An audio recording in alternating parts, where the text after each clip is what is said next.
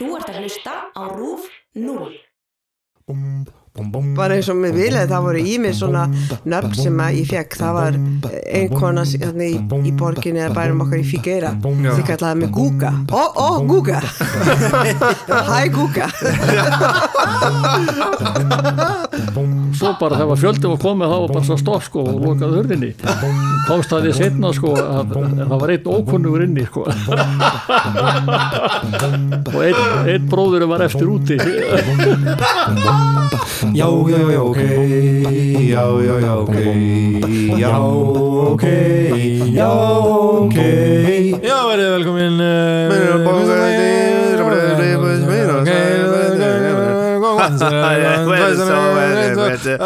Sett fyrir segja sápustykki sko. Við vorum að spila svona auction game já, já, vorum að spila þannig í gæri Já. Góðan Do I have 700, do I have 750, 750, do I have 700, do I have 800, 800 Ég er meira að gera bara bílaljóð.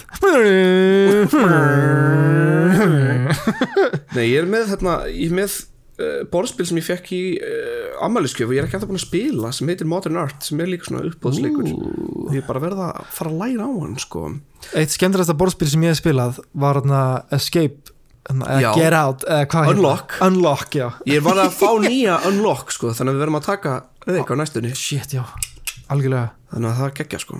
Já, hérna, það er náttúrulega mjög mikið að borðspilum núna sko, mjög gott svona á jólunum að kaupa borðspil Það er svolítið sniðið Það er góð jólagjöf sko, finnst mér og hérna, elskar líka þegar jólinn koma þá er aðeins auðvöldar að spila, já, aðeins meira svona leifilegt að spila jólaborðspil hann að bakkalúts Já, já, já, ég veit. Sem er geggjað borðspil. Að það? Já, við finnst það bara ógislega vel hannað, ógislega skemmtilegt. Já, minnst bara mjög vel gert borðspil. Þið voru að hana borðspil? Já, við vonum að gera það, reyndum að fá styrk til þess að gefa það út en við Já. fengum það ekki og það er, Það er bara það er bara því miður aðeins svo mikil þess að gera bara án Já, styrks. Já, já, eða bara svona, einmitt Það er ærfitt að byrja, Já, einmitt. Hætlaði í gang sko. Ég var að gera svona óskalista Svona hvað mér langaði í jólagjöf mm, Svo ég sé ekki að fá eitthvað. Já, Buksu sem ég fer aldrei í. Ég er búin að gera óskalista líka sko. Já, Já, já. En mér finnst, ég, allt sem ég var bara Ég bara, þetta er alltaf dýra gjafir sem ég er að býða um sko. Já, maður þarf sko að taka þér rólega með jólagjafarlista. Maður þarf bara svona þegar maður dettur eitt og eitt í hug þá er maður svona, já, Já, já, þetta er alveg fínt þetta er góð jólagjaf eða veist, ég eitthvað svona Já, gjafabrif í Origo eitthvað svona, Já. að því það henda mér með vel Eitthvað Já, svona nákvæmlega, er eitthvað skildið eitthvað svona. Já, já, En, þú veist, tí, fólk er að gefa mér í tíu skona gjafabrif En það er ekki, það er svolítið dýr gjöf líka fyrst mér.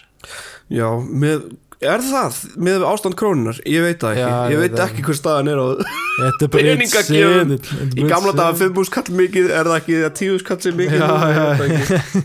Þetta er búið að breytast svo mikið. En svo baði ég um hjólsug Hjólsæri eru dýrar. Já, Og já, vini sem eru bara fjölnir Hvaða Hvað að kalla kall Eða eitthvað að byggja um hjólsug ég sá er þetta að bara- koma svona jóladagatal það sem að fær svona eitt lítið svona verkfæri. Nei, það er auðvitað ekki eitthvað kalla dæmi, það er náttúrulega Nei, nei, nei. fyrir alla sem, Fyrir alla, já, já, já, sem vilja fara í einhvern svona yðnað en ég, mér langaði hjólsög að því ég held að muni nýtast mér mjög vel að því bæði langar mér að, að fara að gera upp veist, kaupa og gera upp. Mhm. og líka bara, veist, ef ég er að smíða leikmyndir og eitthvað ég hjólsög er geggjað. Mhm. Nei, það finnst sko, ég var að tala um eitthvað svona í gamla dag það var 5 skall mikið, núna er það 10 skall eitthvað, því við erum með mitt svo svona smá að tala við fólk um gamla daga. Já, einmitt, munurinn á nútímanum og hvernig það var allt. Ekkert við, endilega bara tengt jólunum bara, bara menningum. Þetta er næstu eins og bara menningar heimar stangast á, tveir menningar heimar algjörlega, þannig að við ákveðum bestaðin fyrir okkur að kíkja á þessa menningar heima. Já, og var bara að tala með einhvern sem við þekkjum vel. Já. og það er náttúrulega bara mamma mín og pappi þinn. Mamma og pappi, mamma og pappi, maður ástundum bara að hlusta á mamma og pappa. Já, Já. stundum má maður að gera það. Það er sem við ætlum að gera núna. Ef maður kíkja til mömmu já, kíkjum við heimsókn til mömmunar ok,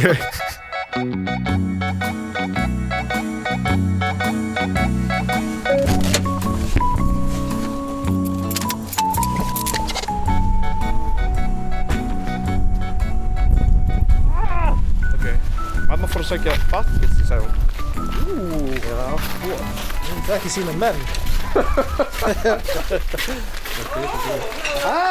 halló, Halló, Hvað segir þið? allt þetta fína, en þið? Já, Þið er bara mættir. Já, varst þú leiðin út? Ég var á leiðin út í bakari. Já, varst það leiðin út í bakkari núna? Já, við höfum einmitt. stoppað á leiðinni Er ekki bakkir sér til? Er ekki komið bakkir? Eða hvað, ætlaðu þú í bakkari og síðan Er ekki bara komið með þér í bakkar? Jú, þú mátt alveg gera það. Það er ekki svo veit. Já, þá komum við með Já, já, ég ætlaði að fara leiðinni. já.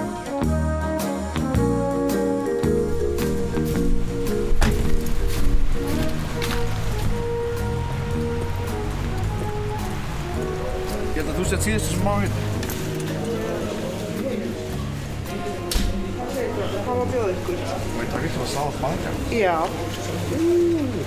Svo döðlur og eitthvað Já Það var tóta núna sko með að ákvaða Ef ekki að fá okkur bröð?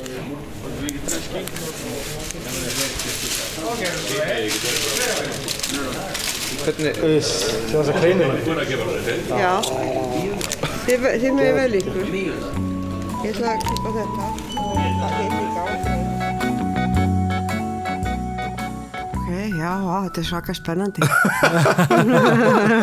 Jæja, velkomin í stúdíu Velkomin Já, takk fyrir. Hvernig finnst þér? Takk stráka mín, gaman að hérna, vera hérna með ykkur. Þetta er, Já, takk fyrir ég að er koma bara mjög uh, dólfallin og fyrst, þetta er svakalega, hvað maður segir góður í íslensku, impressive. Já, Þetta er svona með alvöru mikrofónar og alveg græðir alvöru græjur. Ég er líka fann að vera að reyna að gera fínt hérna sko Já, Einmitt, Það er sko gluggi bak við þessa hérna já, Ég er einhver drastilla bak við þessa drapperingu Ég fel alltaf í drapperingum bara.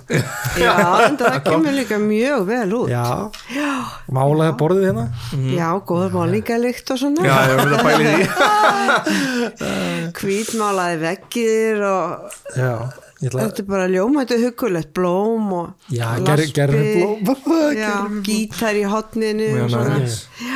Við erum svona að mála hérna góðan He- heiminn stúdíu heimilislegt. Já. Já, Svona stúdíu heiminn Gott, gott að koma og vinna Já, já, það, það er það. Þetta er bara svona góður andi hérna. Já, já. já, og svo bara Svo bara nú er þú komin hingað líka Já, svo bara ég kom hingað. Mamma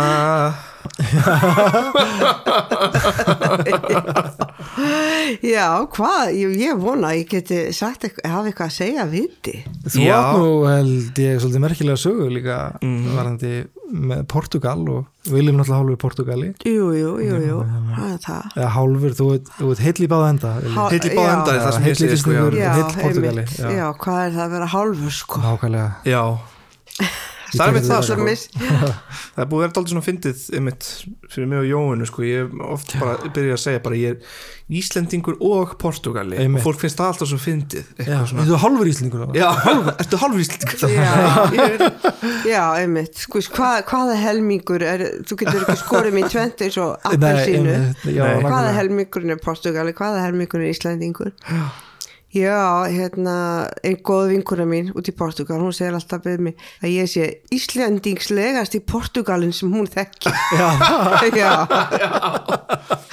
Nákvæmlega já, Það er náttúrulega sko við vildum gera svona þennan þátt meira svona um kynsluð og svona munin á kynsluðum eða svona mismunandi uppeldi og mismunandi Já, svona aðstæður í heiminum kannski já. Hvað finnst þér um það? Jú, ég bara, þið bara leiði þetta og ég reyni að, Já, já, að fylgja ykkur eftir eða sérst að gefa mér eða láta ekki mitt eftir liggja. já, Já. Já, Við ætlum, mér langaði myndi að tala um sko þegar ég var að leita þig á tímarit.ri þessum daginn, Já. fann nóg á steffi sko. Já, en elsta blaði sem ég fann var umfjöllunum að þú væri fyrsti íslenski skiptinefin í Portugal já, ég, ég var það, ég var sem sagt fyrsti skiptirinn sem fór á vegum AFS til Portugals. Já, já. Og hvað, hvað varstu, gömul, þú flyttur út? Það var sem sagt, já, ég var 17 ára, nei, ég var Ok. 18 ára þegar ég fór út til Portugals. Já. Sest, já, og varð 19 ára árið sem ég kom tilbaka frá Portugal. Já, einmitt. og hvernig, þú veist, var það að vera úti í Portugal sem Íslendingur sérstaklega þegar það voru ekki mikið af Íslendingum í Portugal. Já, sko ég kannski ekki byrja að segja það, ég valdi ekki að það fara til Portugal sem skiptinni mig. Nú, Nú, Nei, nei, það var alls ekki sko, það var ekkert val, þannig að ég vildi bara ekki fara til bandaríkjana sem stóð til bóða Já, sem er svolítið kaltælisnett nú, nú, nú í dag. Og ég vildi sko já fara af til því þú vinnur hjá Já, sendiráðinu, já. Að ég vildi frekar fara til Ítalju eða Fraklands það vildi náttúrulega allar stelpur fara til Einmitt. en svo var bara ekkert heimili hvorki í bóði á Ítalju nýja í Fraklandi Já, og það var hringt í mig og ég var spurð Guðra, viltu, viltu, viltu ekki fara til hérna, Bandaríkina eða Kanada? Og ég bara alveg, nei, nei, nei ég fer bara, vil bara Evrópu já, og svo ringir aftur í mig svo sem var, sem var sem sagt, fórstur að þess að þeim tíma og segir við erum hérna með eitt landhandaður. Spurning hvort þú vildi fara þangað. Og ég, nú hvaða land er það? Þeir uh, framleiða kork. Það kemur bara ljós það kemur og ljós, veiða sardínur. Já, já, og já, nei og ég fór bara að giska þig og svo, svo segi ég Portugal og hún segi, já, það er alveg rétt. Og ég var samt ekki viss svo ég segi, já, ég veit það ekki. Hvernig þarf ég að segja, segja svarið? Hún segi, þú, við getum beðið nokkra daga. Og svo hugsaði ég og þetta er svona alls konar tilvillanir og ég fór á svona happening hjá fjörlistamann sem heit Nonni á þeim tíma. Aha. hann er um dáinblessaður, dói fyrra. Og hann sagði eitthvað svona, já það er bara það hika er að sama og tapa. Og ég var svo opið fyrir því ég tók það bara da, daginn eftir þá ringi ég og segi já, ég ætla bara að fara til Portugals, allt í lagi. Svona, svona næstu þess að ég var að gera þeim greiða. En þetta er góð orð að hika er að sama og tappa Já. á mjög oft við sko. já, En þú varst að þýða bækur og svo, já, og svo, og svo fór ég og lendi hjá þessari indislegu fjölskyldu og, og bara lífsreynsla sem að var svo einstök. Að ég vildi fara aftur til að halda áfram námi í portugalsku Já, og portugalskum fræðum og þá kynntist ég Augusto Neto pappa Villa, sko. og þá var ekkert sko, þá bara eftir það kom ég ekkert eiginlega tilbaka til Íslands nema bara í smá já, mission eins og þið segið. Já, já, já. einmitt. Það er nefnilega það sko. Þetta, eh, fyndi hvernig lífið er ódreiknalegt stundum veginn. Já, einmitt. Eins og bara með Danmörku hjá okkur ég, ég aldrei giskað á að ég myndi fara til Danmörkur í nám sko. og þegar það gerist þá gerist það svo fljótt. Já, og ég er bara allir komin í íbúð í Valbu. Já, Já. einmitt áður en ég veist að því sko. bara, ótrúlega skrítið. Ég er eins og ég reið ekkit við þetta. Nei, þetta er bara bara skeiði Já, þetta Já. bara gerist. Bara gerist. hvað segir maður? Life is, hvað sagði John Lennon. Life is what happens when you're busy making other plans. Já, Eitthvað já, svona, ég man já, ekki- nákvæmlega en já, ég fórstast í þetta nám í háskólanum og svo þá kynntist ég í þeirri borg sérst pappi Ágústó eða Gústi hann er kallaður á Íslandi, var kallaður á Íslandi já, að þaðan. Og við bara smullum svona saman og við vorum gift eftir rétt rúmlega ár og já, svo bara búið svo, það svo, svo bara, já, svo bara sest, sest ég þarna að og, og, og mitt líf verður þarna minn heimur er bara þessi næstu 25 árin já, einmitt. Vá, Já.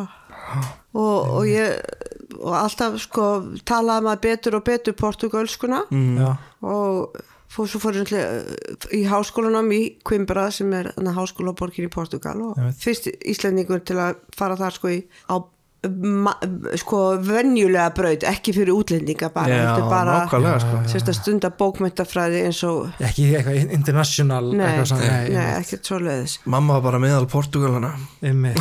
Ég, ég, var- já, já, ég, ég var bara ein af þeim sko. Já, Þetta minnum við svolítið á Hildi vinkun okkar vilja, hún Já. er einmitt út í Danmarkur núna. Já, og þegar, hún var með okkur í bekk sko, já, og hún hafði búið í Danmarku áður, þannig þegar við flytjum hann út þá talar hún dönsku sko. já, og svo eftir uh, námið í SISPA þá fer hún í háskólan já. Í Kaupen sko.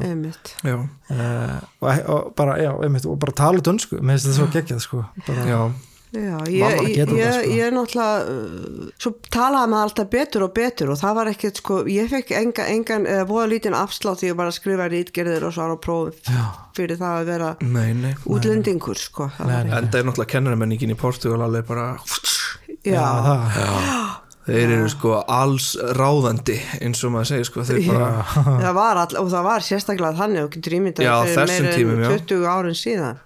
Það stutt var, eftir já, snjóri snjór Salazar já, þetta, það er bara, þeir eru sko það er voðalega mikið virðing og það er svona, þeir, þú, kall, þú segir herrakennari. Já, Er það að tala um einræðisherran? já, hann stuttið eftir einræðis eða þú veist, ekki, ekki kannski stutt, stutt en svona með við tíman kannski. Já, Já, en svo náttúrulega þér að Portugali sko, það er ennþá að nota það tungumál og þú er þér að já, maður segir herra kennar, þú segir ekki þú eða, eða João eða Manel Já, eða eitthvað svoleiðis, bara nafn Já. kallar ekki nafninu. Það hlýtur að vera voða mikið svona ein- einhvers konar menningarsjokk að flytja til þannig lands þar sem að, að þéra er bara eðlilegt. Já, og svo þéra maður ekki og þá er maður allir algjör dóli. Já, já, já. og, já, það þýðir ekkit að ætla sér að segja ég við á Íslandi þérum ekkit svo ég er ekkit að fara að þéra þá er það þér, þér ekkit vel tekið og það er ekki Nei, menningunni einmitt. þeirra þannig einmitt, já er ekki, ma það, maður, maður er bara með stæla ef maður þykist alltaf að fara að breyta einhverju. Já, það einmitt. breytist ekkert sem sem er, þá er kannski bara svolítið ákveðin rómatík líka í kringum þetta. Já. Jú, það er kannski ágættis svona orð. Já, maður náttúrulega sko það er aldrei skemmtilegt. Líka maður þekkir kannski eitthvað sem maður hittir daglega og maður samt að ennþá að kalla þeim eftir þérun Já, já, maður er ennþá að þéra þeim sko, það er stund, Já, já. stund fólk sem bara, bara þérar. Bara þér, Bara já, og, og hérna og ef að manneskjan er kannski sem er svo kennarar eða mentaðir eða lögfræðingur, þá segir maður sko herra doktor, Já, senjor já. doktor. Já, Sodotore, Já, eins og sumir segja. sotore Sotore. sem er að flýta sko, sko. Og, annars er og, það signor já, já. og, og eða, og eða bara svona frú þá Já. áttu líka donna já, þess að ég var áður náttúrulega ég var áður ég var, fekk háskólagráðin þá var ég donna gula já, því að það var ekki hægt að segja gulla það var ekki bara gúlla. geta það er bara ekki, í, þeir hafa ekki þetta, þetta hljóð það Það var bara gúla. gula, Gúla. Já. og donna gula og svo var náttúrulega bara eins og með viljaði það voru í mig svona nöfn sem að ég fekk, það var ein kona hérna, í, í borginni eða bærum okkar í Figueira, því kallaði mig Guga. Ó, ó, Guga. Hæ Guga. Svo var alltaf verið að útskýra fyrir þér hvað gúla þýtti á portugalsku Hvað því gúla? það er náttúrulega bara það er sko, það er bara græðki það er eina sjö döðasindunum Donna Græðki glöttoni á ensku. Já, Já, og, og, og ég bara ég bara gati ekki að það gert. Mér fannst þetta ekki alltaf ég að fyndi sko. Svo hérna uh, hefur ákveðin persóna komið oft upp í þættinum hjá okkur. En það er hann uh, Dóri Lax, Haldur Laxnes Dóri Lax, já, uh, Þú þýttir einhverja bækur eftir hann eða ekki yfir á portugalsku ég þýtti, jú, eftir Halldór Lagsnes ég þýtti sjálfstætt fólk yfir á Portugal sko. Já, já, já, já, og það var nú meiri vinnan. Já, Já, það var meirinn að segja það. Já. ég man allavega mjög vel eftir því sjálfur sko Já, já, hvaða minningu hefur þú þegar ég satt þarna bara yfir tölfunni Eh, frá 9 til 5 alla daga? Já. minningin, sterkasta minningi mín var þegar þú varst einhvern tíma nókvæslega pyrrút í bjart í sumarhúsum sko og varst eitthvað alveg að tárast við að skrifa sko eða við að þýða. Já, já, og þú varst svo Einmitt. frústriður út í hann. Já, einmitt. Já því hann var svo, hann var svo þrjóskur og, st og, og stundum bara já, ótrúlega þrjóskur og, Þverhaus. og mikill þverhaus og svona inn, inn, innblindi bara eitthvað og hafði bara eina sína hlutina og, og við, kannski líka svolítið sjálfhverfur og ég fer svo inn í fór svo inn í karakterina Já. að hann, hann fór á tímabili bara í taugarnar á mér. Já, og það er náttúrulega að fara inn í til að geta þýtt til að komi, til, komi í ljós sko, hvernig karakterin er. Einmitt og ná að þýða einhvern veginn tilfinninguna líka. Já, rétt, já, einmitt. þannig ég hugsaði ég hugsaði hvað er á þetta, á einhver eftir að fíla þennan mann, á einhver eftir að Já. lesa þetta bókmyndaverki hvað, hvað á þetta hvað hefur þetta við Portugali með Portugali að gera en svo reyndist það bara það því að þetta Bjartur í sumarhúsum hann er ekki bara karakter heldur, hann er bara um, lýsing eða manngerfing á ymsi Í fari þjóðfélaginu, okkar í já, þjóðfélaginu einmitt, já. og í- ennþá í fari okkar fólks það er, það er svona svolítið alþjóðlegt í honum já. og já, það var gott, gott fólk á bak við mig við, að ég var að gera þessa þýðingu og sem hjálpaði mér sko þýðingalega sér Já. svo náttúrulega Ágústu og pappi Villa og Jóhannu, hann náttúrulega bara tók að sér að sjá um þau því að maður Já, þurfti já. alltaf að vera maður var alltaf að já, einmitt en svo kom bókin út og henni var svona vel tekið þannig að hún er bara, hún er ennþá bestseller hún er bara fólk er ennþá að kaupa hana þannig að það Mm. Held að vera fáa bækur svona þýtta bækur sem er búið að prenta jafn á. Já, Já, en það, það, það er ekki tilviljun að Haldur Lagsnes sé þessi velmetni bókahöfundur sem hann er sko. Mm. uh, Nei, en einhvern veginn þá samsvörðu Portugalsi líka í honum Já, og eða, í sögunni vegna þess að það er runda líka til dæmi út í Portugals og þú veist vilji og upp til sveita einstrengingslegir kallar sem að bara eðileggja stundum fólkið í kringum sig eða, tilfinning, eða og kunni ekki að sína tilfinningar. Einmitt, já. Eins og Bjartur var Það er náttúrulega eitt áhugavert við Portugal, það er svona dálítið ósvipað hérna, svona stór löndum sko, það sem er ennþá mjög mikið fólki sem býr í sveit og það er ennþá mikið af sveita bæjum eða svona sveita Já, svona þorpum. Já, Já, já, já, já. og já, hvernig, hvað heitir sjálfstætt fólk á Portugal sko?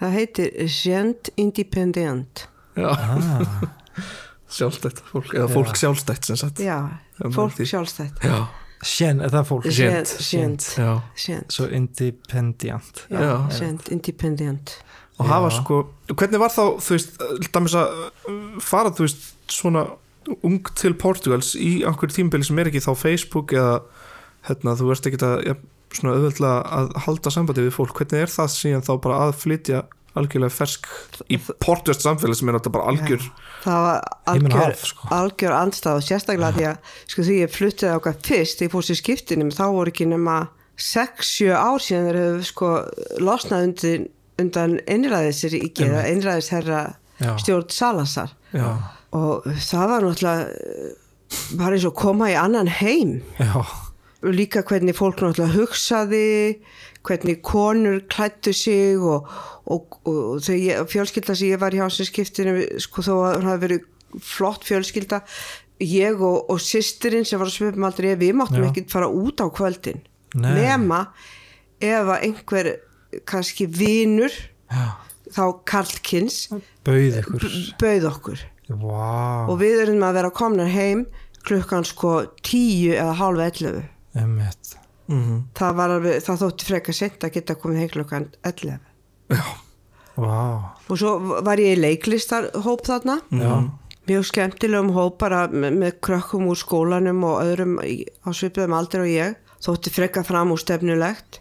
Og var undir stjórn hérna Pólverja sem var búin að búi í Portugal aha, og svo að því þau voru sem þeir voru kennarar það, það, eh, voru það eldri þau voru kennarar. já, grunnskólakennarar. Þannig að við þurftum að æfa á kvöldin og leikstjórin hann skrifaði bref fyrir mig sko, til að fara með heim til höfuð eða föðursfjölskyldunar og til að útskýra fyrir honum að ég þyrfti sem sagt að vera á æfingu og ég fengi leifi til að fara út á kvöldin Já, til að fara á æfingar.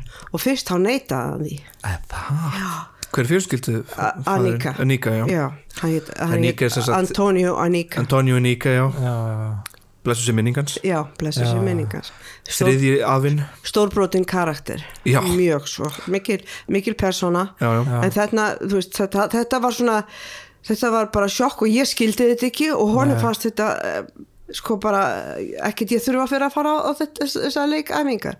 Sem svo náttúrulega endaði því að hann fekk annað eða, og ég talaði við hann aftur og, og það náðist samkomulega og ég Já, fekk að fara á, á leikæfingarnar. Þetta, þetta var ekkit eitthvað veist ég ekki hvað að segja eitthvað hættulegt að fara út á kvöldin eða, Nei, nei, nei, það, ég hefði getað ég hefði fengið fyllt, þetta þetta var mjög svona rólegur og, og bara heimilislegu bær, Já. en hann var þannig, hann var höfuð fjölskyldnar, hann var núti, ekki konunars og hann þérnaði ágætlega en hann kom heim, settist í sófan og hún kom hlaupandi með öskubakkas og, vasklas.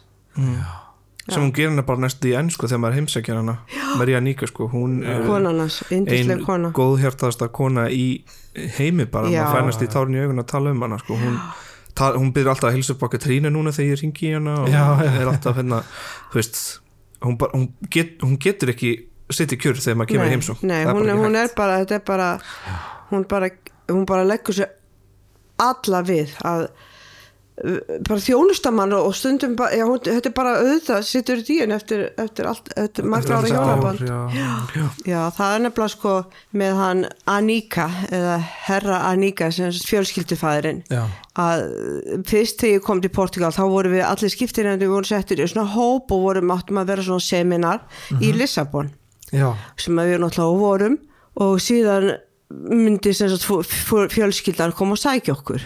Já, og ég var búin að heyra að, að fjölskyldu fæðari myndi koma og sækja mig á samt dótturinni sem var þreymur árum yngri en ég. Já, já, og ég var svona búin að já ok, portugalskur fjölskyldufæður ég var búin að ímynda mér svona lítinn mann þið vitið svona kannski með smá skalla og yfirvaraskegg fyrir grannvaksin og svo stendi ég fyrir utan á tröppunum og er að býða eftir þeim. Kemur þá ekki þessi stóri þungbrúni maður. Svona 1.80 með, með flott svart hár og skegg. Já, og ekki bara 1.80 heldur svona svolítið þykkur. Thick þykkur, já, thick bara man. Já, thick man. Þykk og hérna. Og, þú- og þú, þú veist svona með ákveði á, svona, mjög, alltaf mjög ákveðin á svip og svolítið og svo kemur dóttarasvísliðin og hún skjálbrósandi og það fyrsta sem ég geri þegar ég sé hann og þau lappa í áttað mér er að ég fór að hágrenja. Já, já. Ég, ég bara ég, sem, ég bara þetta er ekki Portugali svo ég held að þetta vera Það er búið til lágvaksinn Portugal Hann er svo ókveikjanlegur í útliti. Það er nefnilega fyrir þann sem ekki þekkir hann. Já, fyrir fólk sem þekkir hann ekki sko, þá er hann dálítið skeri að sjá hann sko. Já, hann er, hann er með mjög ákveðið lúk Já. hann, var- hann var með mjög ákveðið lúk hann mjög, Enrique, mjög sko. svona já, já, það var næstu bara eins og eh, fálki fra, svona Já, með hann- að augnráðið. En, Já. en svo fór þetta allt saman vel. Já, já.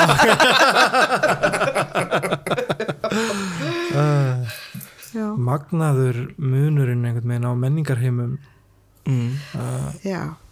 Já, Algjörlega. einmitt, þetta hlýtur að hafa rosa mikið sjokk Já, Menningarsjokk, já það, var það, það var það svolítið. Og svo náttúrulega að því ég var, var ljóshærð og bláeig að, að þá var bara sko, þá var stoppað, kannski bílu var stoppað, það var stoppað á götu að vera að kalla eftir manni og, og svona ýmislegt hvað er það, mér fannst ekkit óþægilt en það, svo var líka, það var nú heldur ekkit me too í gangi þá.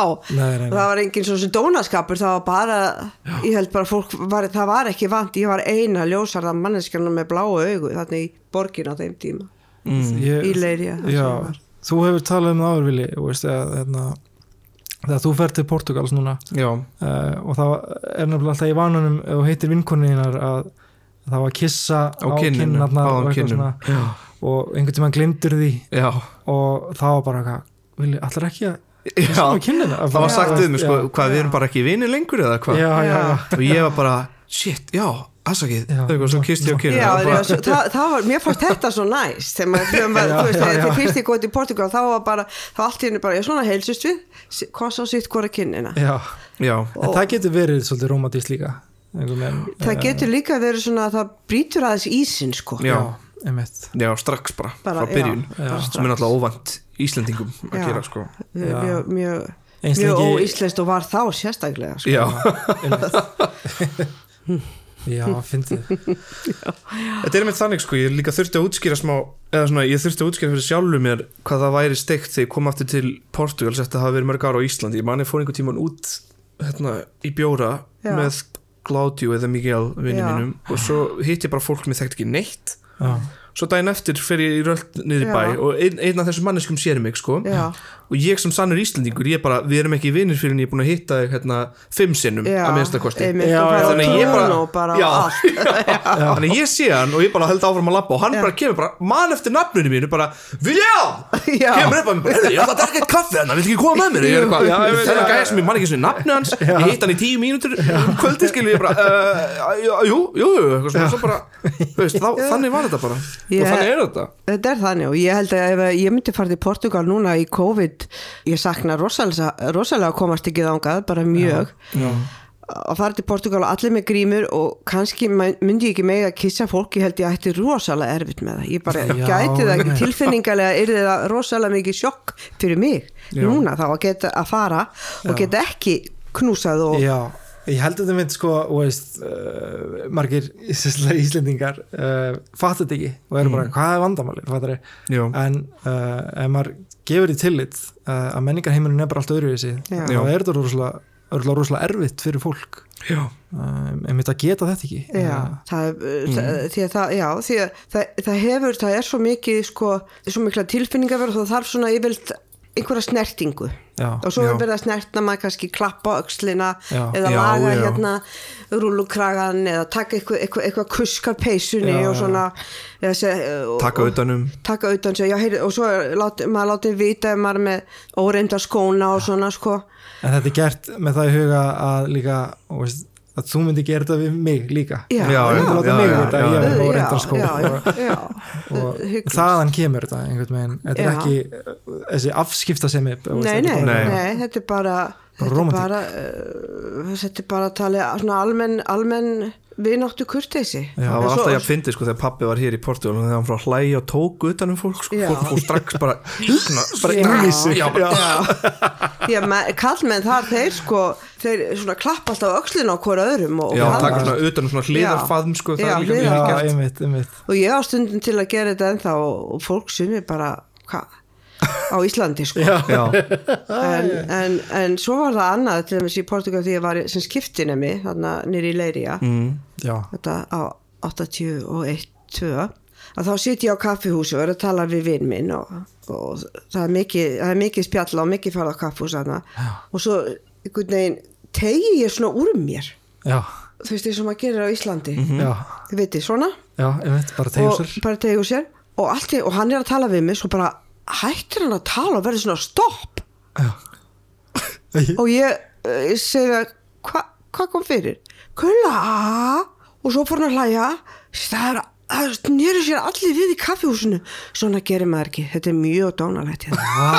Já, wow, oh my god. Ég vissi það ekki. Eitt svona sem þetta er líka með Íslendinga við sjúum svolítið upp í nefið alltaf.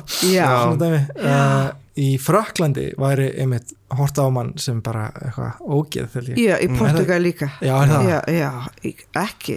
Sýgur í ekki nefi, það er bara það viðbjörslega þetta sem er til.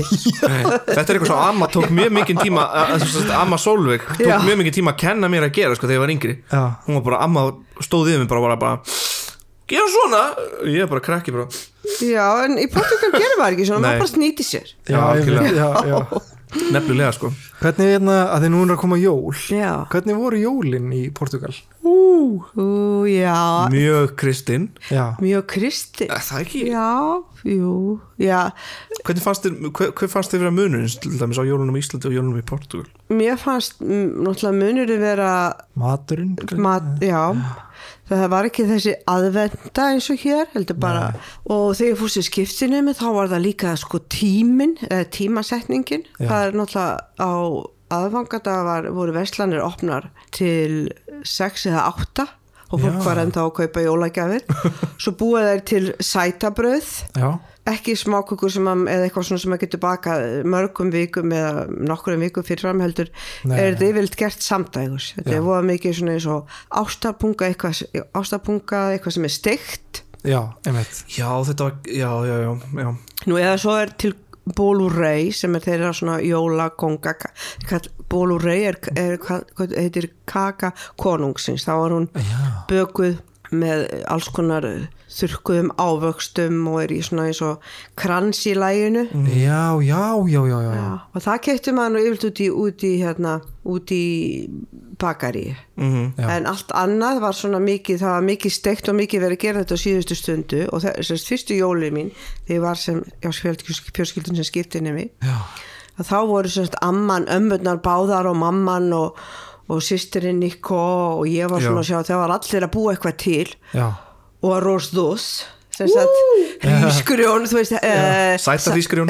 sæt hrískurjón, svona eins og hrískurjónabúðingurinn eða rísalamand Já, já, já. Já, nema Það- aðeins meira sko, aðeins þéttari Já. Þetta er ekki svona, jafn- það er ekki jafn svona sósukent og íslenska Þetta er meira svona Já, þetta er meira svona eins og þetta, þetta arroz dos því það er bara uh, sæt hrísgrjón og þetta er svona hrísgrjóna búðingur já. Já, búðingur Já. við náttúrulega, sko, hrísgrun og búðingur er náttúrulega bara, á Íslandi er það hvað, bara hrísgrun og rjómi eða? Já, Já, eða, ekki. já. og svo Svona bara- kanil sett o- ofan á yeah. og svo er saltfisk, var saltfiskur borðaður og á miðnætti já. á miðnætt já. ok, þá var, og þá var ekkert sko flottast í saltfiskréttur sem til var heldur eitthvað sem þótti mjög held og er mjög þjóðlegt, það er svo þeir saltfiskur. Já, með káli, kartöflum gulrót, grænmeti eggi og kjúklingabönum Já. og nóga ólífólíu Nó af ólífólu nefnilega, Sko- ekki mikið smjör úti. Einmitt, ef það er einhverju sem kunna elda fisk þá er það Portugalar held ég sko.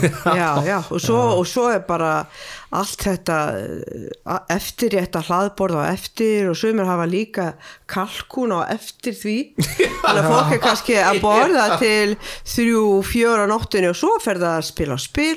Já. svo vaknar það sent á jóladag já, um morgunin og þá eru yfir opnaði gjafir þetta hljóm var alls ekki dilla. Nei, að því finnst voru skrítið eitthvað, of hverju þarf matmálstímin alltaf að vera klukkan sjö eða eitthvað í Já. kringum það þú veist. já. Hver setti þá reglu bara?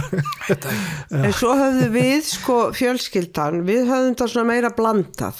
Já, Við höfðum íslenskan um, hangikött sem við fengum senda heimann á aðvangataskvöld já, og svo fórum við til ömmu og afa villa til að stengta fóldari mín yfirlt á jólata mm, já.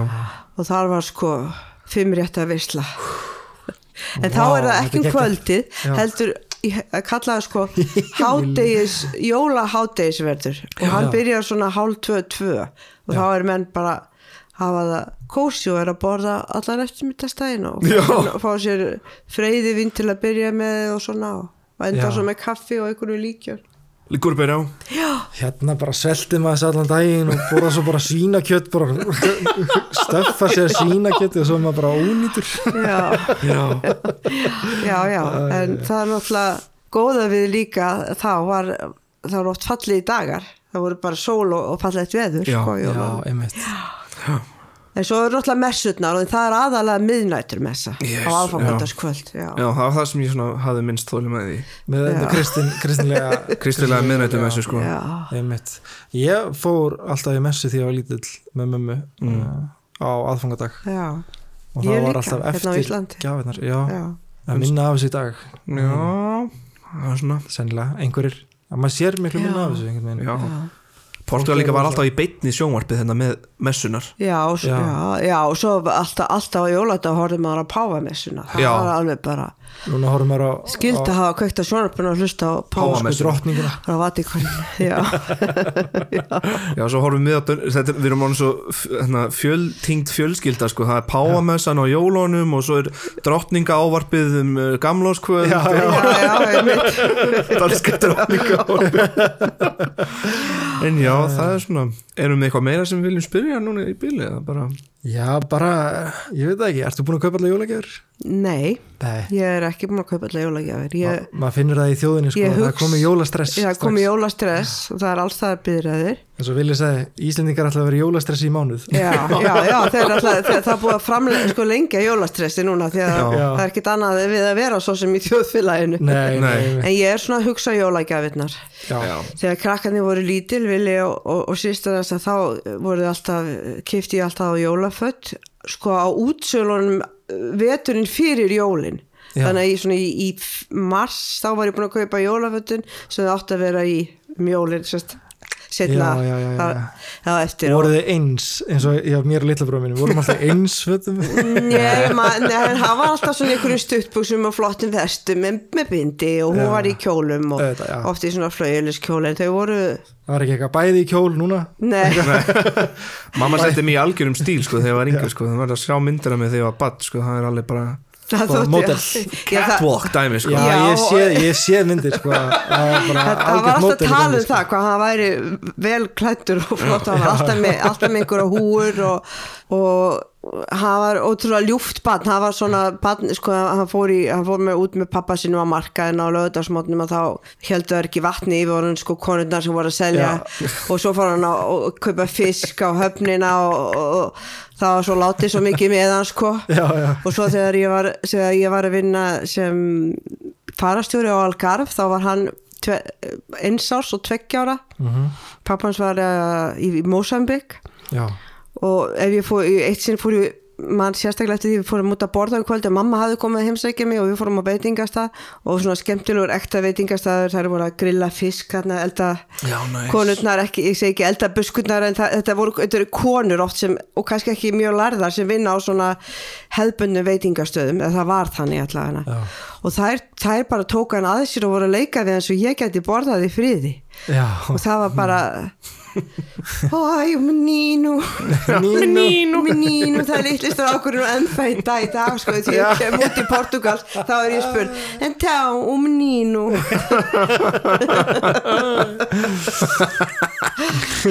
já, gaman, geggjað. Ég held bara að við séum komið með svona alltaf helsta. Já, takk kærlega fyrir Já. komuna. Já, það er bara æðislegt, gaman. Er það ekki? að tala við ykkur, já.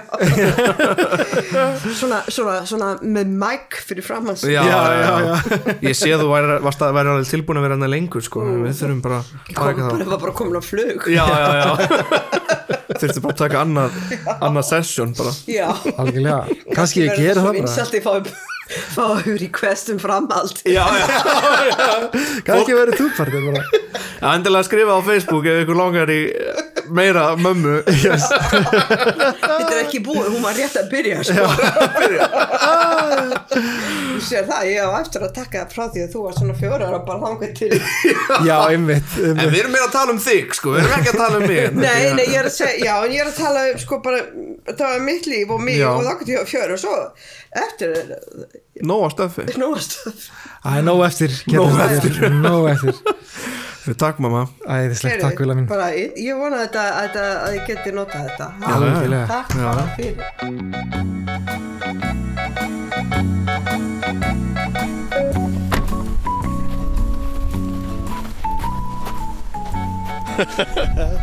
Kef City Ég veit ekki hvort hann er undað meiri Það er smíðakallinn Það er smíða. Það er hann? Hann er að riksu Hæ? Hæ, Halló? Hæ, halló Hvað segir þið?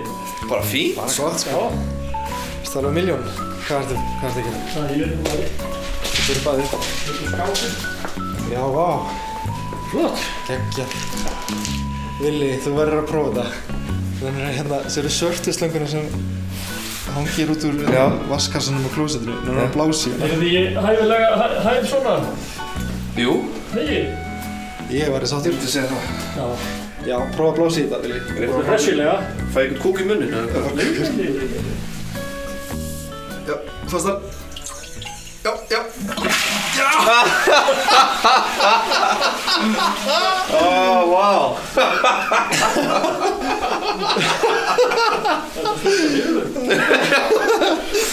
Þetta er svo áfengismælir. Þetta er hérna, það er svona takkar og klustum, þetta er bara einmitt, Bara vindur. Það er bara loft. Já, Loft. Þetta já. Fyndið, sko. Okkur að fyndið. Ég elskar svona sko pláss undir þakki sko, mér finnst það svo huggulegt alltaf. Þetta er súð. Þetta verður Undir flott. súð, já. Hérna voru þeir að mála fjörlega í mig. Ég tók eftir því núna að ég var að loka málingudósinu síðan við vorum hérna síðast það er lokinn Það var staðið opinn? Tjús, auðlar yfir Það er það Það er lokinn Ég myndi ekki gleyma því. Er hún ónýtt þá? eða? Nei, nei, Nei, smá skám kannski já, ok.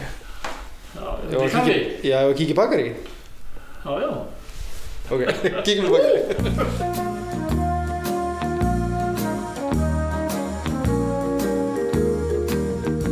Velkomin pabbi. Takk að þið fyrir það, Hvað segir þau? bara fínt. Hvað segir þú Vili? Ég er bara góður sko, ég er bara mjög spenntur. Já.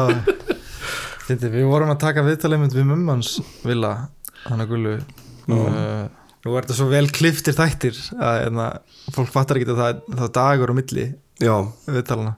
Já.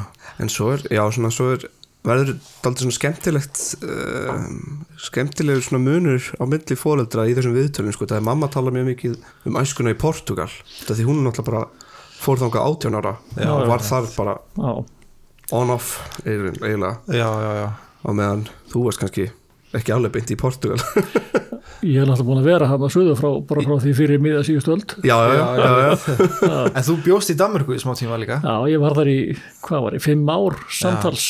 Já, einmitt. Já, ég man eftir því Já. Ko- kom í heimsók til Danmörkur og já, já, Hver var, svona, var einhver svona skellur fyrir því að búi í dansku, dansku samfélagi? Var einhver svona munur á fólki eða svona já, það er náttúrulega sko ég var ekkert mikið fyrir að drekka bjór. Þeir voru ekkert ánað með það ég man eftir ég að vinna veitna menn hann kvartaði yfir því að hann þurfti alltaf að kaupa kókandi og það var svo dýrt. Já, að því sigurskattur já, já, nei, nei, það var ekki það var bara bjóri var miklu ódýrar ef hann vildi að ég drikti bjór já, í vinnunni. Já, ég man einmitt þegar ég var að vinna í, hérna, í nýja leikúsinu mm, uh, þá fannst fólki mjög gaman að drekka. Sko, Danir náttúrulega bara eru sko með eitthvað innrætt bara í blóðinu að, að drekka bjór sko, það, Já. það hefur alltaf áhrif á þau Já, já. en annað fólk ég hætti bara að fá sér bjór eins og fá sér kaffi. Já, nákvæmlega. Við viljum fá kaffi en þeir vilja bara fá bjór. Já, Já.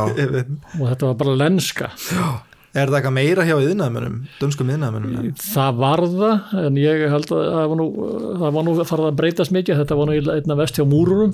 Múrarum, já, þeir voru vestir fyndið eitthvað svona munurinn, eða svona stjættarfjölu eða svona, hvað, fyrir eftir hvaða vinna þú ert að vinna, hver, hversu mikið þú drekkur sko. Já, maður sá oft sko málara uh, eitthvað vera má, vinna, mála hús eða eitthvað, maður sá það oft með taka pásu og, já, og Taka einn öl. Já, taka einn öl einn gúlnu deima. Já, já, einmitt.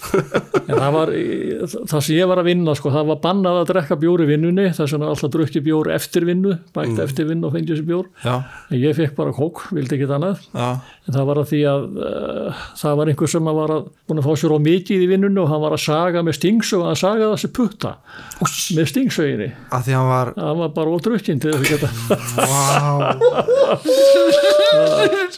þannig að eftir það, þe- ég, þetta bara þeir sögðu mér þetta smiðinu sem ég er að vinna með. Já, já, Þannig eftir það þá var ákveð að drekka minni. Já, drekka, drekka bara eftir vinnu. Já, Fyndið að hérna, um að þú hefur mist putta líka og ég hef mist putta og stóru bróðum minn hefur mist putta og ef að litli bróðum minn er að hlusta þá er hann svo eini sem er eftir að missa putta Það mun Og við erum koma. að, það við erum að gera upp íbúðana nei, nei, það er hæðilegt en ég misti ekki putta fyrir ég hætti að vinna sko.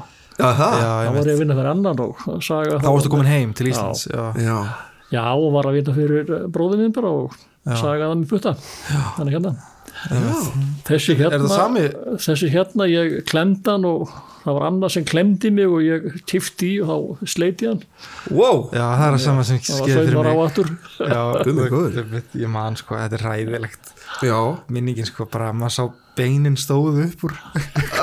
Já, þessi, tveir hérna. Já, og bara saumar aftur á. Ótrúlegt hvernig þetta er hægt samt. Og veist, ég er alveg með tilfinningu og allt Já, í já. þessu sko. Já, náttúrulega tækni öldin sem við búum í já, en það var hérna, þetta gerist söður frá, þú náttúrulega býrð í Keflæk ég býði sérflag, já. Já, en Jarðvík Kef, ég býði í Njarvík núna, já. Ytri Njarvík já, og varum einmitt að tala um hérna, maður þarf að passa sig hvort maður segir Keflæk eða það sko alveg gott býr maður í Keflavík eða Reykjanesbæ það er Keflinginga segja það. Já, já. og Jarðvíkinga segir þá annarkvort býrð í Já, Jarðvík eða já, Reykjanesbæ. já, já, já, já, það er svolítið en þetta er svona allt, allt svona í en en það þú, var svolítið rígur á milli. Það er það ekki? Jú, og ég er svolítið ennþá svona en í eldra fólkinu heitir gatan Frekjugata sem er hérna sko hún heitir það ef þú ferð inn á Google Maps þá heitir hún þar Frekjan. Frekjar, já. sem aðskilur Njarvík og Keflæk nei, það er, já, það er eiginlega krossmói það sem að flugvallavegurinn gamli.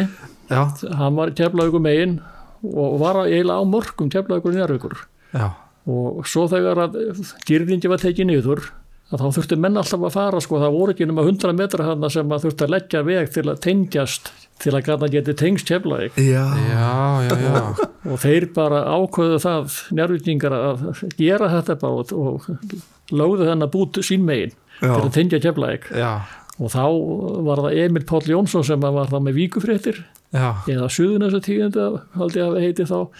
Hann sagði að þetta væri njárvíku frekjan og gatan, gatan fekk þetta nafn og það var skilti þarna sem stóð á frekjan sko, já. Þetta er að búið að taka þetta niður í dag en þetta er á Google Maps þetta heitir, þetta, já ég held að þetta heiti ennþá frekjan á Google Maps en Já. þetta heitir Crossmói þetta heitir Crossmá, já. Já. fyndið að Google Maps ég varðu þetta söguna Já, Já, það sé hefur þetta heiti óvart. frekjan þegar, að- þegar að, um, kortið var gert hjá þeim sko. Því að þeir eru með gömul kort og já, en það má kíkja á það, vita hvað þetta sé. En þessi girðing Já, já, einmitt. Já, ég var að tjekka þið frekjan þú veist hvað þetta er, þetta er hérna við netto. Já, einmitt. Já, Netto, eins og ég Jú, jú, þetta heitir ekki? En crossmói kemur uh, svo út af já, já, þeirri götu Já. Já, Svo frekjan hjá tengist. Fredjan tengist tengið krossmóa við ringbröð Já, já, já. Já, þessi, Njarvíku Fredjan Njárvíku frekjan, já. Já, já, þessi hérna þessi girðing sem var hana já, uh, þetta var náttúrulega til að aðskilja herin já, líka frá já, bænum já. já, já, og þetta var alveg bara frá því að þú fættist já, já. það var svona þegar ég reyndar ekki þegar ég fætt, fættist sko því að ég fætti 47 já, þetta er gert eftir einhver tíman kringum 1900 og- ég held að þetta hafi verið gert fyrir 1950 en herin var komin eða já, ekki já, já, já, hann var. Hann var þar í góðu stuði. Já, dýrningi var bara eiginlega inn í miðjum bæ eins og hann er núna sko. Mm. já, Girðingin. Flugvallar dýrningina flugvallagirðing já.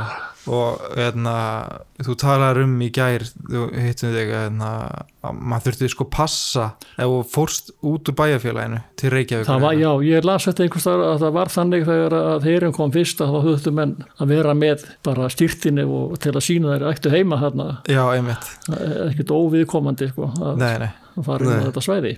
Já, Þetta er svo skrítið að hafa einhvern amerískan her eitthvað að láta mann sína passan sin til þess að komast heim. Já, já, einmitt, þetta er svo surrealist Já. eitthvað. í raun og veru vor, var bandarækja hér með allan reykjana skagan sko fyrir bara sunnan kúagerðið eitthvað, eitthvað já, Hefðu bara yfir á því Já, Fyrst, fyrst, já. Nú er eitthvað verið að auka umsvið eða var ég að lesa það svona komna stundum æfingar hér og þar. Já, þeir eru að, þeir eru að framkvæma núna sko. Já, Og það Já, já, Mm, og það var að byggja þarna einhverjar húseiningar fyrir, fyrir svona hermið sem koma tímabundið. já, já, Mhm. einmitt. Svo er líka búið að gefa leifum geimslu á hérna, viðkvæmum efnum er það sem stóð í svona samningnum. Já, Þetta það er er rosa- náttúrulega hérna, eitthvað kjarnorkur bunker hérna, sem NATO hittast í hérna, mánaðarlega eða eitthvað, já, Hérna á Íslandi? í- upp á Þannig velli upp á velli og það er Já. sko, uh, já bara ríkistjórnin íslenska, hún hittist þarna með, þetta er bara, þetta er, er tjarn okkur byrgi sem var byggt þarna þegar, þegar ég var í ramma, Já, þá var verið að byggja þetta og ég kom hann inn inn sinni. Já, og þetta er með, ég man ekki hvað veggin eru þykir, steinsteipu veggir og allt klætta innan með stáli, þykku stáli. Já, já. Það er ekkit 3G sambandaðinni sko. Nei, það er ekki svona og þarna inni var borhóla fyrir kaldavatnið og Já. það voru sér rafstöðar og allt. Já, þannig ef það kæmi kjarnokku sprengja á að því að öllur var náttúrulega skotmark Já, að þá gáttu þið verið þarna inni einhvern, einhverja mánuði, einhverja mánuði. Já, einmitt. Jáhá, Já. það er alveg ótrúlegt sko, hvernig Var ég gaman að fara að skoða þetta? Já, þetta er innan, þetta er innan svæðis lokaða svæðis, Já, já, en þetta er náttúrulega, maður sér það. Já, maður getur séð utan já, á, já, maður getur séð það. En alltaf sé ekki þetta að fá eitthvað, eitthvað að leiði frá einhverjum að aldrei að vita. Þetta. Þetta skilabóð frá Rúf landhelgisgæslan, hún er með þetta svæði. Já, ok, ok. Ég skal tala við nokkra Við kefum einhverju strengi. Er enginn á landhelgisgæslunum að hlusta á þáttinn? Kannski getum við kíkt aðeins við og Já, við skulum bjóða upp á kaffi og okkur sín alltaf rúmpassan Já, alltaf rúf Rúfið Við erum rúf, við meðum ekki alveg koma. Það Já, áttu eitthvað svona minningar af ameríska hernum í Keflavík? Eða er eitthvað svona, Já, hann alltaf var, hann bjó alveg mikið í Keflavík, já, nefnilega. Legðu Já, bara ef að fólk var með aflugu plási í húsnánu sínu þá var náttúrulega var uppflott að leiða Amerikunum og dollara. Já. var ekkert á ekkert auðvitað að fá gjaldiri þá. Nei, Nei, og þannig að það var mjög víða í bænum sem voru Amerikanar sem já, Og var eitthvað svona, svona staðir svona stundar af meira Amerikunum en Íslendingum eða var þetta bara meira svona blandað eða voru kannski Amerikanar ekki mikið að fara út á lífið þeir máttu, máttu ekki Nei. en þeir höfðu sína staðu upp frá Já, já, já, já, alveg rétt, já, við höfum talað um voru það eftirsóttir En svo- af Íslendingum líka. Já, þeir voru það sko því að þeir náttúrulega voru með dollara. Já, Já, en svo náttúrulega, sko þetta var fjölskyldufólk sem legði niður frá já, mm, þetta var svona, svona yfirmenn sem já, frekar heldur en já, já, þeir voru bara upp frá já. þessar að það var svona, neða það var, jú, jú, þetta var töluvert mikið um þetta mm. og fólk var að einhvern veginn að smíkla sér undir gerðinguna og Já, það var, já, það var alveg, sko, dýrðingi var það neðalega, sumrið þá fóðum maður oft þannig inn fyrir dýrðinguna í berjam á því að það var miklu meira berjum þar heldur en í- fyrir utan dýrðingu. það er búið að vernda beirin Þannig, og svo náttúrulega var stutt í, í flugvélahaugana, það var svo mikið að finna þar að dóti já, og flugvélahaugarnir eru þar sem að, það er eiginlega þar, upp á, þar sem íðavellir eru núna. mm. það sem enna að- bunkarnir eru eða- Ha, eða sprengju bunkarnir eru, eru þar eða?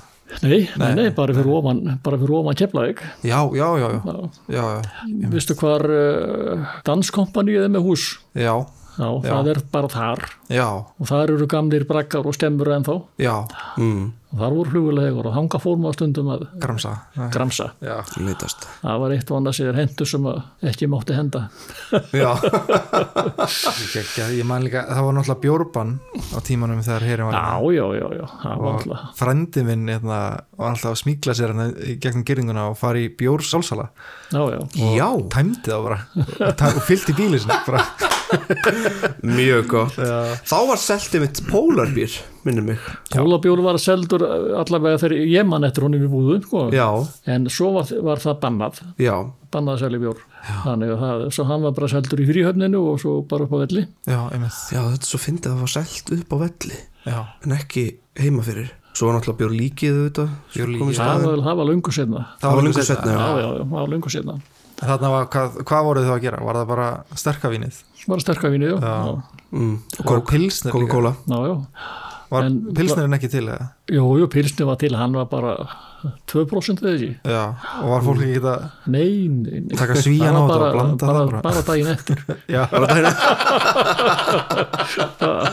það var bara daginn eftir. sko. klassíska Já, en hvernig var svona, þú veist á þínum yngri árum í Keflavík uh, aðlast upp þar. Þetta var náttúrulega á bíla tímabilið og bíla bærin og allt þetta. maður var hann í hringuðinu því að þeir áttu nú heima hann að binda móti manni, Gunnar Þórðarsson átti heima að binda móti mér. Já, og uh, Einar Júliusson, hann átti heima hann líka í gödunni, Þóri Baldursson átti heima hann líka, skáamóti.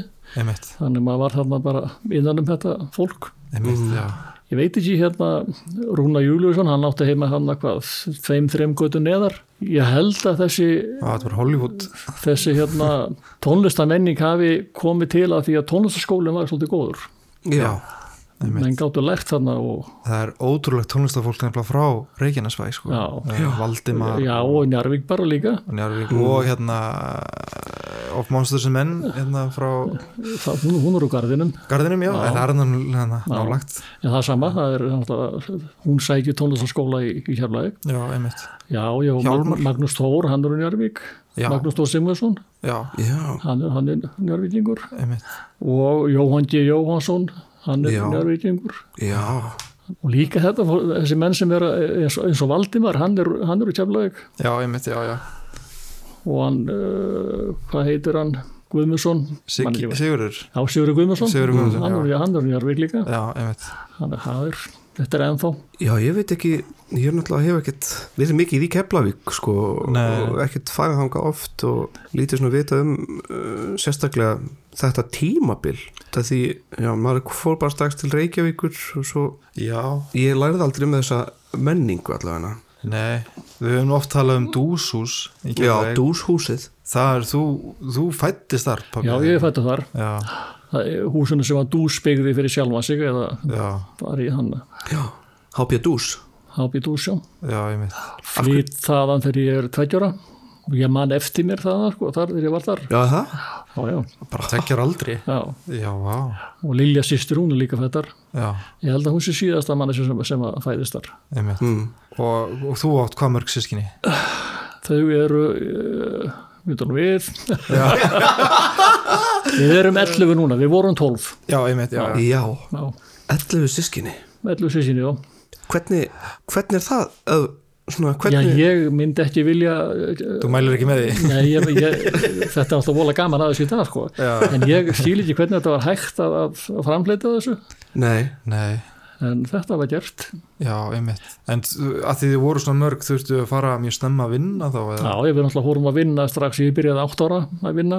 Já, Átt ára, Já, hvar? sendill í búð. Já, þá var ég þar á sumri sko, svo náttúrulega skólanum á vetunar en, Já. ég hætti skóla þegar ég var í öðrum bekki gagg og það er eiginlega áttundi bekkur.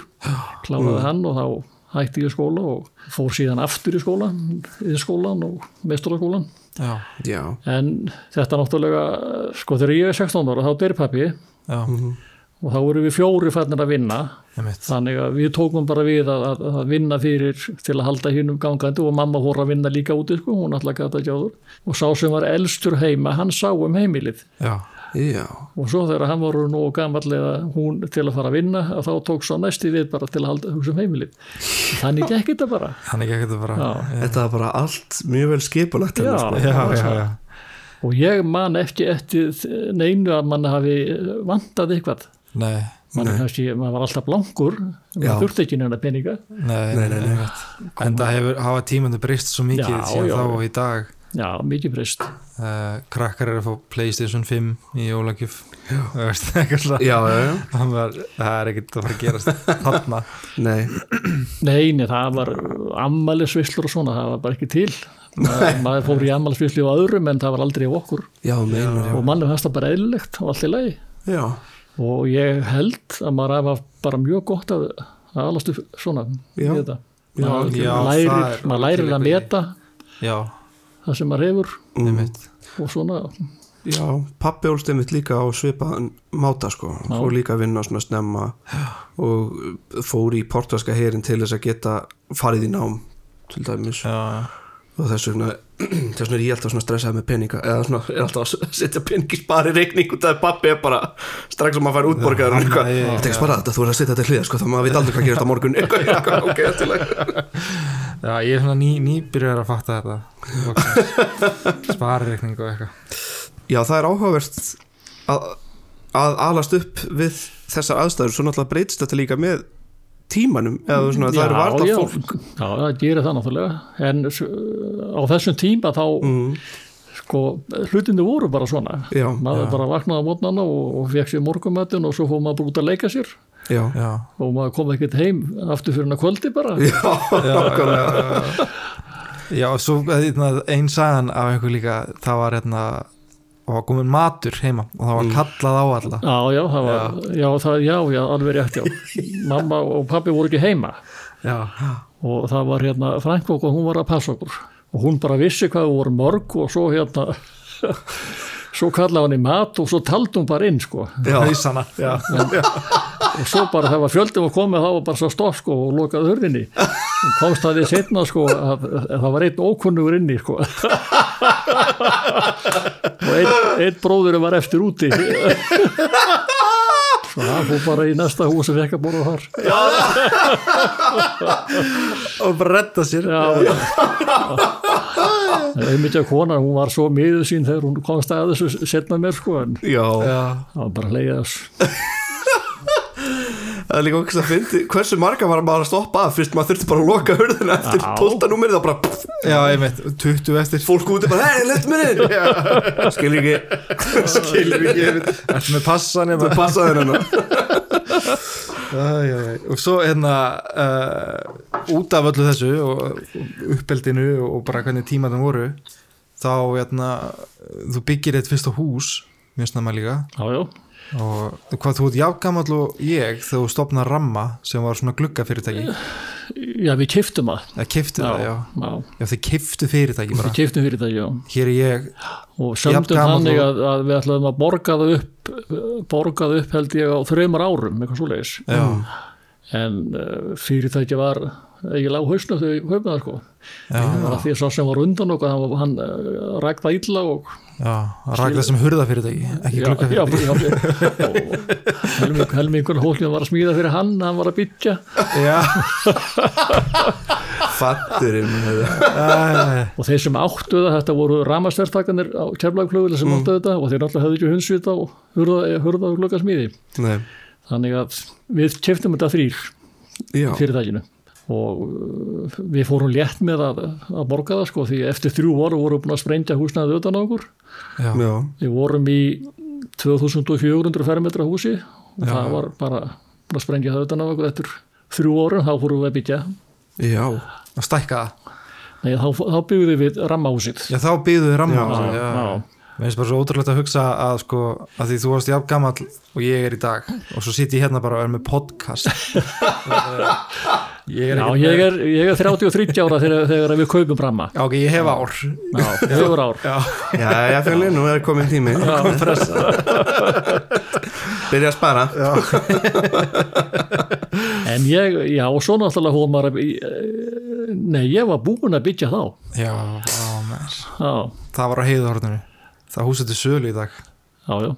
Ég byrjaði að byggja það 1975 já, árið eftir ég kom frá Vestmanni ég fór til, fór til Eyja í, eftir gósið Já, var að vinna þar hjá Breitholt HF já, það? Þú veist að byggja upp eftir gósið já. já, já. Blokkirnar, sem er út á Hamri í Vestmanni, ég var að vinna í þeim já, Já, hvernig var að vinna í, í vestmennum stutt eftir gósið, hvernig var það, andin og náttúrulega- já, það náttúrulega var ekkert mikið af fólki hérna svo leiði sko. það var Nei. bara þeir sem voru að vinna í fiski. Já, og það var rosalega mikil aska ennþá í bænum en já, nákvæmlega. Þannig að þetta var bara, við vorum bara að vinna þetta já, bara svona í, í róleihitunum stutt eftir nei, ég segi það nú ekki. Nei, við unnum 11 daga og, og, og tókum svo frí, e, e, aðra hvora helgi frí fluga þá heim, já, þannig var það. Já. Unni frá hvað, halv átta mótnana til tíu á kvöldin. Já, þetta hefur verið góður ekki nema. peningur í já, vasan já, þetta er náttúrulega mjög góði peningur í Vasakó Já, þegar ég kem heim þaðan, sko, þá fer ég að byggja. Já, já, já. Það lítur að vera skrítin sjón að vera á svona stað ennþá með ösku eða svona, já, úr öllu þannig, sko. Já, já, og skrítin sjón. Það er, svakaleg, það er svakaleg saga sko, heima í já, Jökulsá já, það, já, það er hún. Og svo byrður hús já, já, í Keflavík. Já, já. Og þú ert búin að vera að byggja síðan bara, eða ekki? Búin að vera að Alltaf byggja síðan. Já, einmitt. Nei, en við flýtum inn í húsu og þegar bara sama tíma, sama leiti og við kaupum ramma. Já. já, Svo varst að vinna fyrir loftliði líka og undan, það var á undan. Já, það var alltaf undan, já.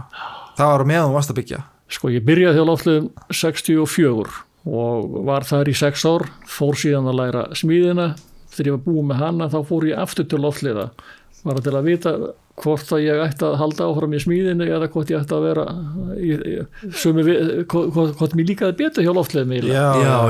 Og, og líka því að ég var að byggja og þá hérna fekk ég meiri frí tíma til að, að vinna í húsinu. Já, já, já. En svo komst ég að því bara að uh, ég átti ekki heima hann upp á velli lengur.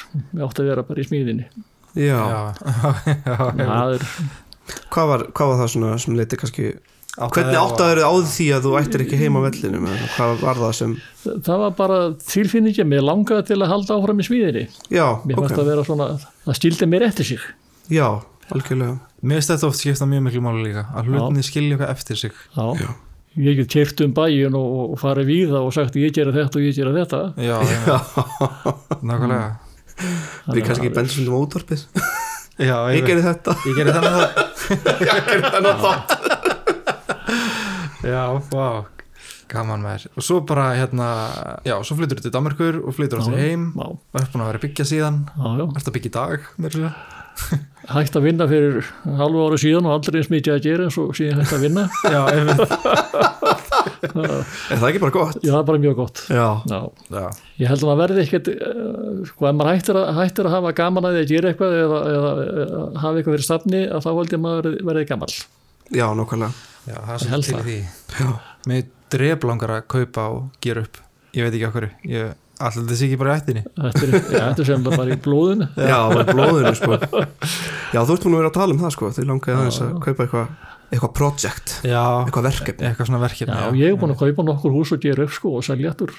Já. annars frá þannig að Ég sko, ég ger þetta oft eins og hérna, ég man ekki hvort við tölum um þetta þegar mamma henn var hérna, ég var að gera upp þetta borð sem við sitjum hérna við. Mm. já, þetta er borðið já. Þetta er borðið, já.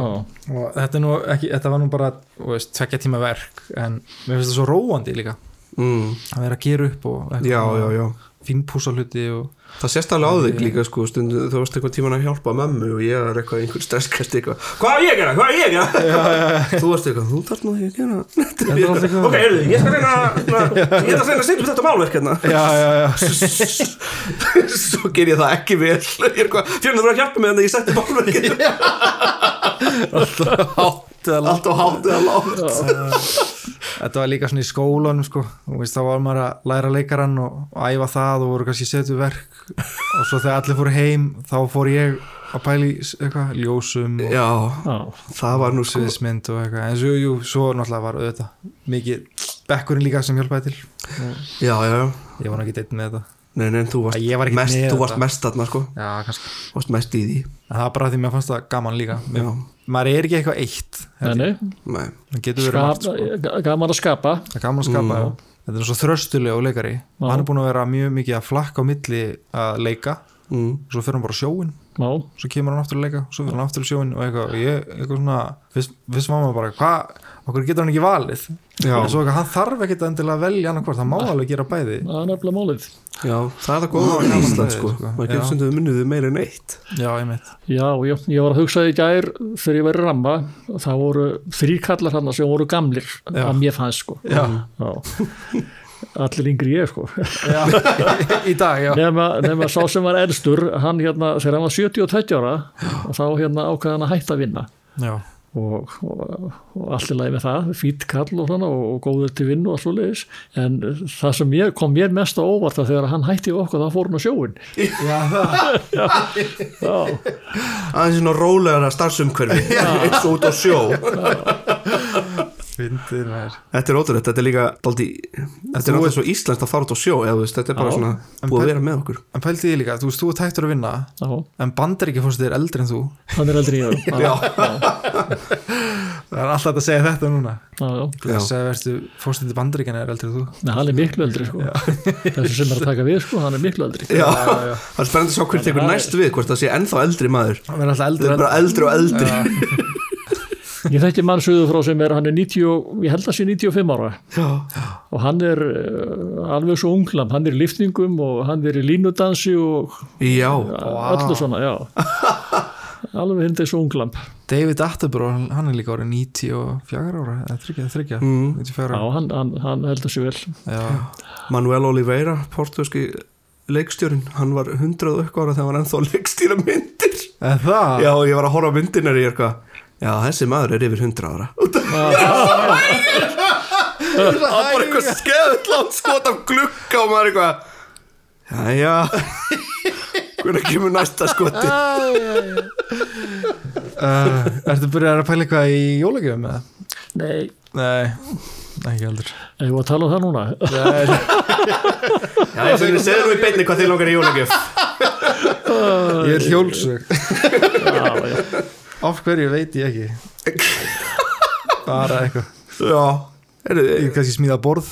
Kannski í getur borð. það, þetta er smíða borð. Já, já.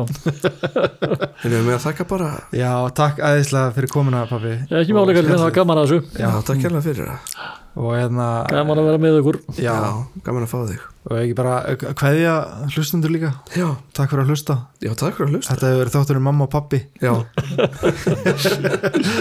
Og bara, já, heyrjumst í næsta sem þetta þetta Bæ og Já, já, já, ok. Já, já, já, ok. Já, ok. Já, ok